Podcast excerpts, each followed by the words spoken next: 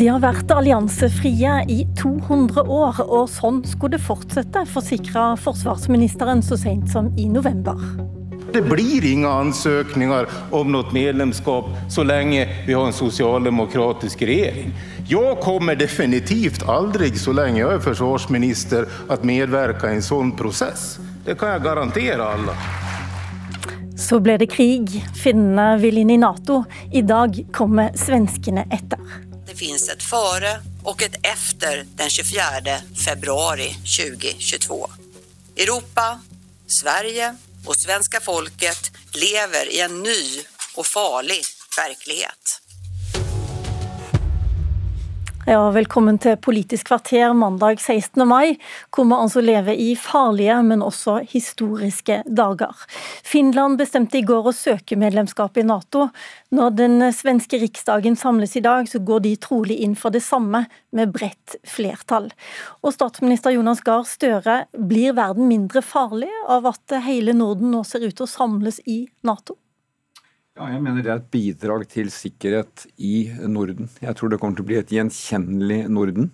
Men det er et Norden som har trukket de samme konklusjonen av at sikkerhet det er noe de bidrar til gjennom sitt eget forsvar, og at de har et samarbeid med andre land om forsvar som er forpliktende, og som gir sikkerhetsgarantier. Eh, så det understreker igjen Nato som en forsvarsallianse. Eh, Norden er ikke vendt mot noen. Det er ingen som frykter noe fra Norden. Men Norden har grunn til å tenke gjennom sin sikkerhet, eller Sverige og Finland som da ikke har hatt dette Nato-medlemskapet, og som den svenske statsministeren sier 24.2, hvor et stort naboland, Russland, gikk til angrepskrig mot et annet land, fikk Finland og Sverige til å trekke eh, disse historiske konklusjonene. På hvilken måte blir norsk forsvarspolitikk endra? Vi er veldig nære med Sverige og Finland. De siste 10-15 årene så har vi jo kommet det nærmere også på forsvarsområdet. Trener sammen, eh, gjør en del materiellkjøp sammen. Eh, kan mye om hverandre. Se på geografien, særlig i nord, så ligger vi jo på rekke og rad. Med Nato-medlemskap så får vi det egentlig komplett. Da kommer vi til å se vårt forsvar ordentlig i sammenheng. Eh, da vi hadde stor Nato-øvelse i Norge i mars, så var jo Sverige og Finland med. Veldig nyttig. Men nå kan vi da fullt ut planlegge eh, det sammen, se, se våre militære styrker eh, i sammenheng. Pluss at jeg tror at Nordens stemme i Nato, altså de fem nordiske landene, vil være viktig for den debatten som da blir mellom 32 demokratiske land. Og Det er viktig fordi eh, der er man ikke alltid enige om alle forhold, men på demokratisk vis diskuterer seg fram til det. Så jeg tror at det å få med Sverige og Finland der vil være en, en, en styrke. De neste månedene fram til eh, Sverige og Finland antageligvis da blir fullverdige medlemmer, kommer til å bli usikre tider, har eh, den svenske regjeringen eh, sagt klart fra om. Storbritannia har vært i, i Sverige og forsikra de om at de kommer til å bistå. På hvilken måte skal Norge bistå? Det aller første vi skal gjøre, er ikke kjøpe premisset om at det blir usikkert. For det er jo å si at det nærmest er greit å legge press på dem. Tror du ikke på Putins eh, advarsler om at dette får konsekvenser? Jeg tror vi kommer til å høre dette fra Russland, at de får konsekvenser. Men jeg snakket med den finske presidenten lenge på lørdag etter at han hadde snakket med president Putin. Og da var jo eh, president Ninistøs kloke budskap at Finland er Finland også etter denne beslutningen. Eh, Norge har vært naboland med Russland eh, siden 1949 eh, som Nato-medlem, og Ninistø peker jo på den erfaringen som et naboland som ikke har vært rettet mot Russland. Så Det er det første, vi skal ikke kjøpe det premisset. Men det andre er at Danmark og Norge, og Island, men Island har jo da ikke et militært forsvar, men Danmark og Norge vil være for det første blant de første landene til å ratifisere en slik avtale hvis når Nato har gjort sitt arbeid. Altså godkjenne de parlamentene våre, det må vi gjøre. Og vi kommer til å følge opp det som er nå en nordisk tradisjon, nemlig å forplikte at vi skal støtte våre naboland om deres sikkerhet skulle være utsatt. Så det skal dere si fra til svenskene og finnene? Vi har en eh, passende måte å skulle gjøre det på, på, på, på, rett tidspunkt. Nå skal vi også vente 16. mai. Det er jo historiske dager for oss også, med 17. mai i morgen. Så vi får en litt påminnelse om hva det vil si å, å ta historiske beslutninger. Ine Eriksen Søreide, du er leder i utenrikskomiteen i Stortinget, og du var utenriksminister og forsvarsminister i forrige regjering. Hva mener du Norge må gjøre nå for å sikre denne prosessen framover? Det er veldig viktig, som statsministeren sier, å være både tydelig til Sverige og Finland med hva vi kan bistå med hvis det skulle bli en situasjon med press og trusler fra Russland. Jeg tror vi har all grunn til å forvente at retorikken kommer til å være tidvis hard, og jo nærmere vi kommer tidspunktet hvor dette formelt diskuteres i Nato og ratifikasjon i parlamentene, så tror jeg vi kommer til å se det som er en ganske vanlig russisk framgangsmåte for å øve press og, og forsøke å få til splittelse. Samtidig er det viktig rent politisk at eh, Norge og de andre nordiske landene nå bidrar til en så rask og smidig prosess som mulig. Hvorfor det? Det, det, er viktig av to grunner. Det ene er at det sender et veldig viktig signal til Sverige og Finland om at vi står sammen. Og det sender et tydelig signal til Russland om at Norden står sammen. Og at ingen av oss lar oss eh, verken presse eller skremme av, av russisk retorikk. Og, og, jeg mener det er viktig at vi gjør det så raskt som mulig og så samla som mulig når prosessene i Nato er eh, gjennomgått. Og jeg vet også at det er dialog med Stortinget for å finne en eh, smidig og praktisk måte å gjøre dette på nå. Du sitter og nikker, Støre, så da går jeg til neste poeng, som er at den svenske regjeringen vil legge inn en forutsetning som betyr at de ikke vil ha atomvåpen eller uh, utenlandske baser på svensk territorium. Dette er jo sånn som Norge og Danmark gjør, sier de. Og så sier Venstrepartiet at ja, se på Norge og Danmark, den der basepolitikken er veldig skjør. Uh, den er utfordra flere ganger. Hva sier du til det, Støre? Det siste er jeg uenig i. Jeg mener det har vært veldig klokt for Norge å stå fast på en basepolitikk som sier at vi ikke har baser på norsk jord, ikke har atomvåpen på norsk jord. Og så øver vi på en måte som eh, tar hensyn til at vi har lav spenning. Det har vi klart gjennom årene. Så utvikler jo det seg med tiden og teknologien og våre allierte. Men Norge har ikke baser på vår jord, men vi legger til rette for at våre allierte og venner kan trene og øve i Norge. Nå har jeg vært i London og møtt med regjeringsmedlemmer der. Og der har vi jo en av våre allierte som nå tilpasser sin nordområdestrategi til den situasjonen som er i nord. Men Norge har det slik. Det at Sverige og eh, disse andre landene trekker lærdom fra Norge, syns jeg er interessant. fordi det er jo også et veldig klart budskap til Russland. For det første er det avgjørelse Sverige tar. Ingen andre. De kan ta det.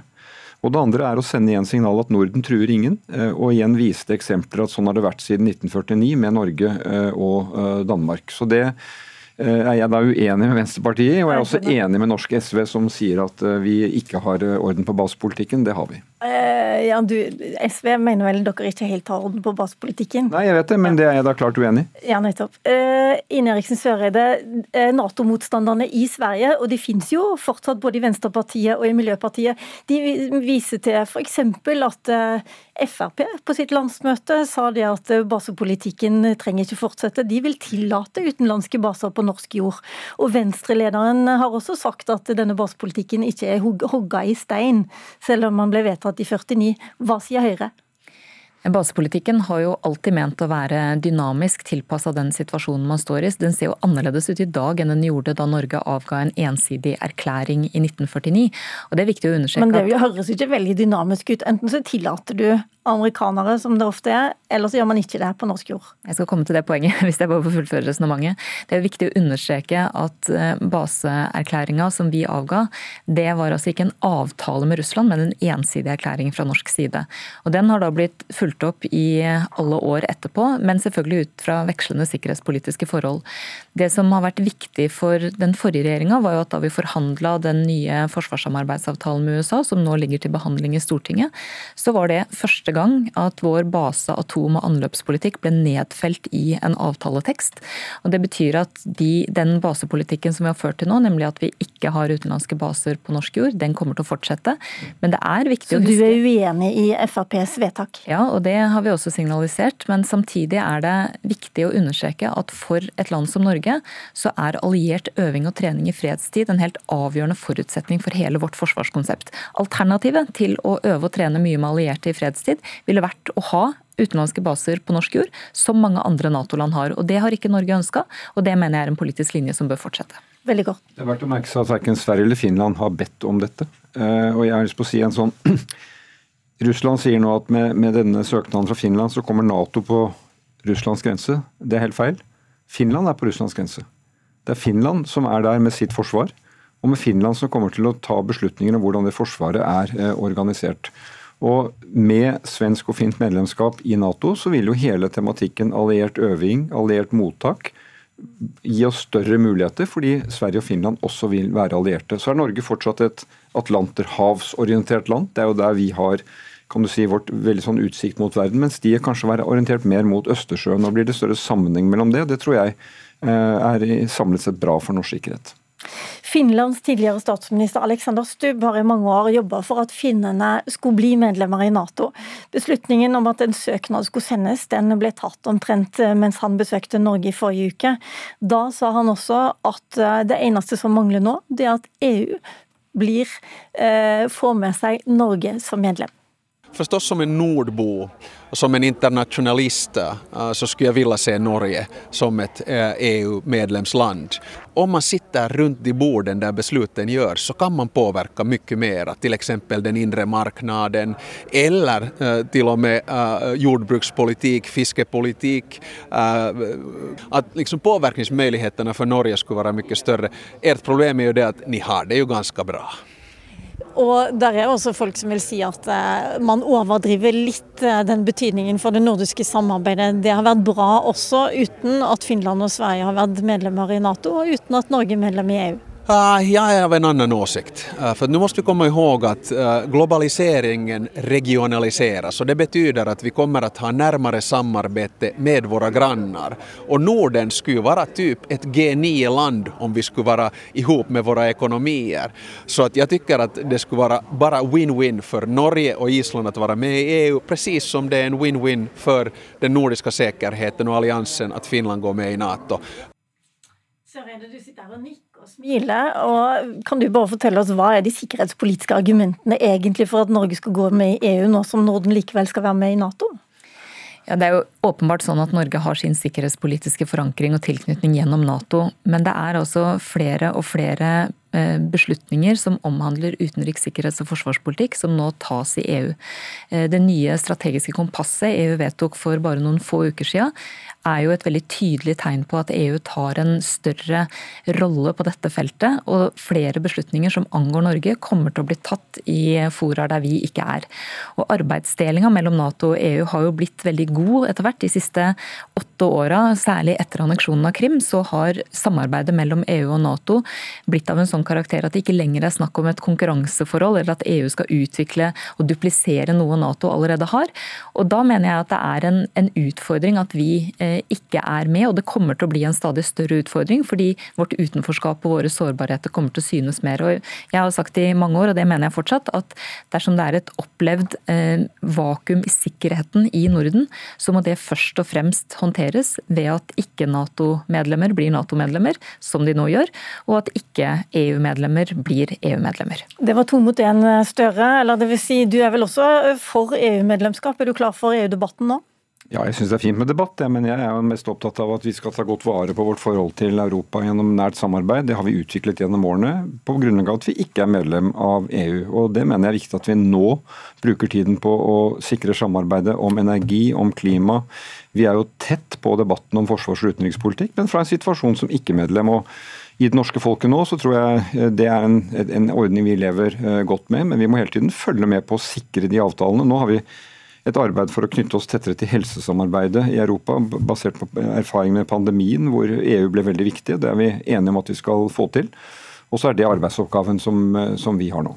Men du hørte i starten her Sveriges statsminister sa at 24.2 det finnes et før og et etter, eh, men det påvirker altså ikke norsk EU-debatt? Eh, e ikke, ikke dit hen til at vi skal ta det, lansere det som et spørsmål vi skal avgjøre nå. Nei, det mener jeg ikke det gjør. Men at vi har en debatt i Norge om dette. Eh, opinionen er det den er, og det må gjerne ta, ta den debatten. Jeg og det syns også samarbeidspartneren din i Senterpartiet? Ja, vi må være helt, de, har, de er mot EU-medlemskap, og det er en ærlig sak. Men det er ikke EU-debatten som nå er den sentrale debatten Norge skal ta. Nå skal vi komme oss gjennom denne situasjonen med krigen i Ukraina. Vi skal ta imot Sverige og Finland som Nato-medlemmer, høyst sannsynlig.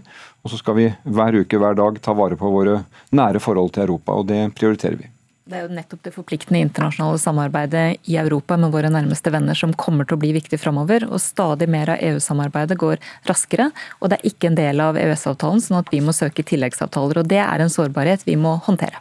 Og her er ingen EU-motstandere som kan svare for noen av dere, men eh, tusen takk for at dere kom, Ine Eriksen Søreide fra Høyre og statsminister Jonas Gahr Støre. Mitt navn er Lila Sølhusvik, det var Politisk kvarter. Vi er tilbake igjen selvfølgelig 18. mai.